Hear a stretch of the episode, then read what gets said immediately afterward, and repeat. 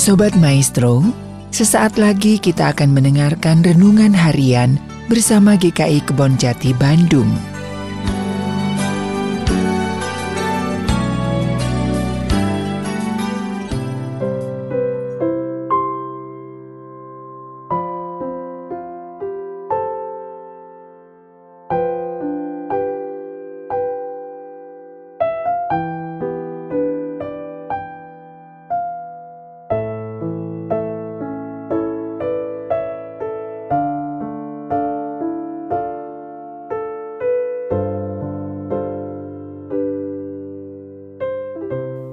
Shalom Bapak Ibu dan Saudara-saudari yang terkasih dalam Tuhan Yesus Kristus.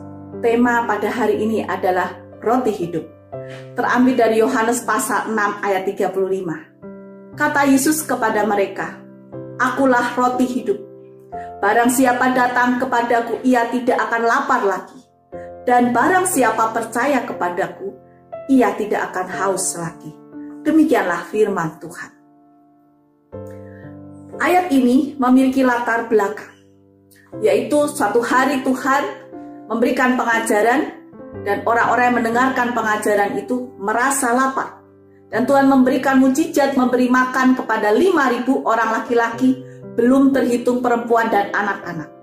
Ketika mereka menikmati roti mujizat dari Tuhan, mereka memiliki maksud menjadikan Tuhan sebagai raja untuk memenuhi kebutuhan mereka dan Tuhan menghindar.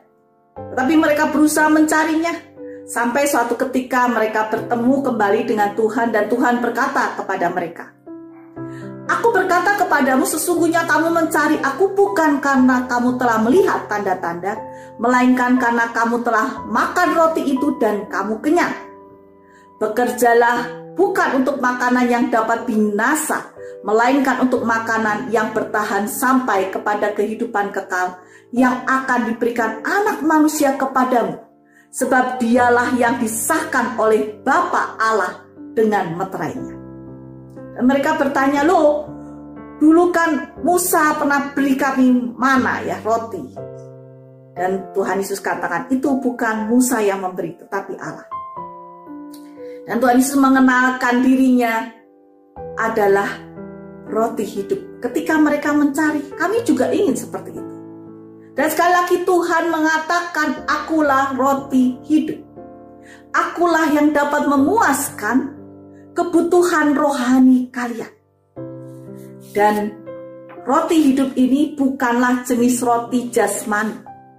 Tetapi roti yang memberikan makanan yang memenuhi kebutuhan kelaparan rohani yang dialami oleh setiap orang Bagian ini adalah bagian di mana Tuhan berbicara kepada orang-orang, kepada dunia tentang firman-Nya.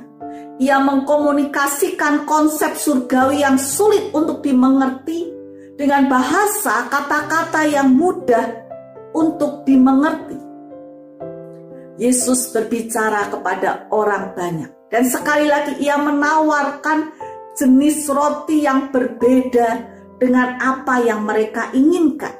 Mereka menginginkan roti jasmani, tetapi Tuhan menawarkan lebih daripada roti jasmani, yaitu roti kehidupan, roti hidup. Roti yang tidak akan busuk, yang akan selalu membuat mereka kenyang. Dan Tuhan katakan, datang kepadaku, percaya kepadaku. Dan sekali lagi, Tuhan sediakan dirinya.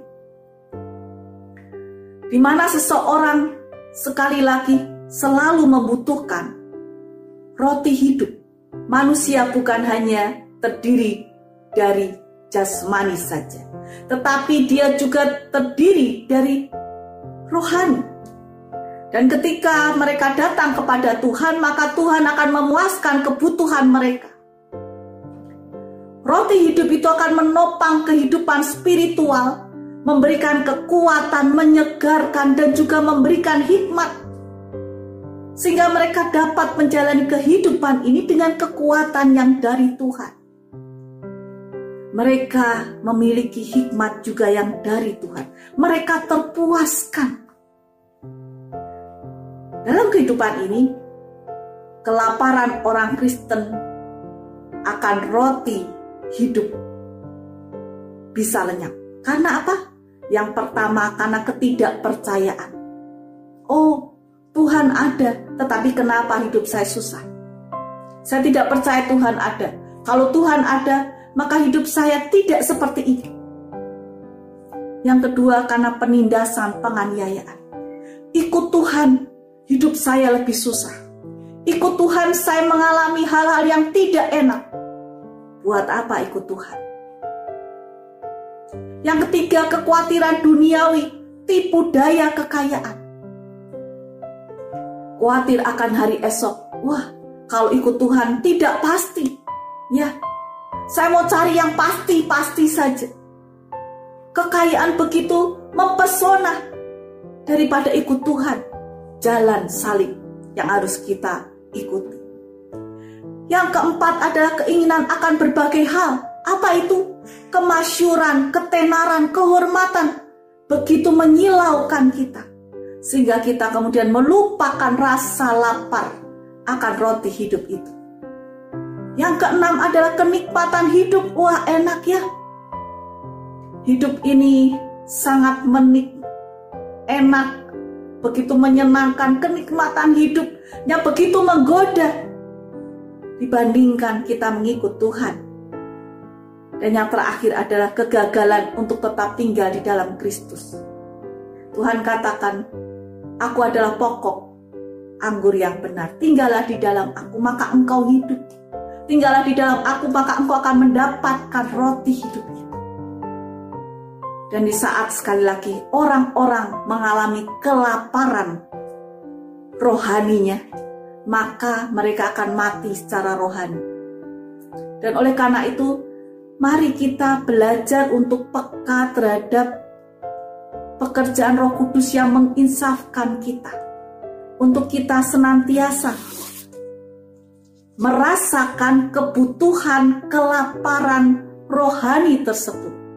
Dialah roti yang turun dari surga, di mana Yesus menunjukkan keilahiannya, otoritasnya. Dia berasal dari Allah dan semua kebaikan mengalir kepada kita melalui Dia, sang sumber kebutuhan pokok kehidupan kita, kehidupan rohani kita. Tuhanlah roti hidup. Dialah yang mendukung kehidupan spiritual kita. Dialah yang memberikan segala sesuatu kepada kita juga kedamaian bagi jiwa kita. Kita tidak akan merasa lapar. Kita tidak akan merasa menjadi pribadi yang kosong, yang hampa hidupnya. Tuhanlah roti hidup. Roti yang memberi kehidupan yang kekal. Roti yang menopang dan memelihara hidup rohani kita. Dialah Mesias yang Tuhan utus ke dunia. Dialah yang menghidupkan dan menyelamatkan kita semua yang dulunya mati karena pelanggaran dan dosa kita. Dialah yang memberi kehidupan kepada kita. Oleh karena itu, mari kita datang kepada Tuhan secara terus-menerus untuk mencari Tuhan, membaca kitab suci secara terus-menerus. Yang kedua, percayalah kepada Tuhan secara terus-menerus beriman meskipun tidak atau belum melihat. Mari kita percaya dan perbuatan kita menunjukkan rasa percaya kita kepada Tuhan. Dan yang ketiga, sadari semua itu, roti hidup itu hanya karena kasih karunia-Nya. Bersyukurlah. Dan mari kita memasuki tahun 2021 ini dengan sukacita. Tuhan memberkati. Amin.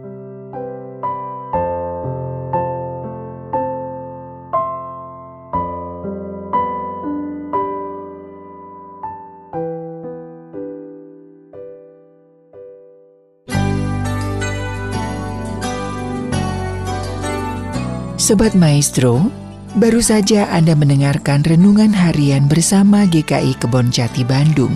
Tuhan Yesus memberkati.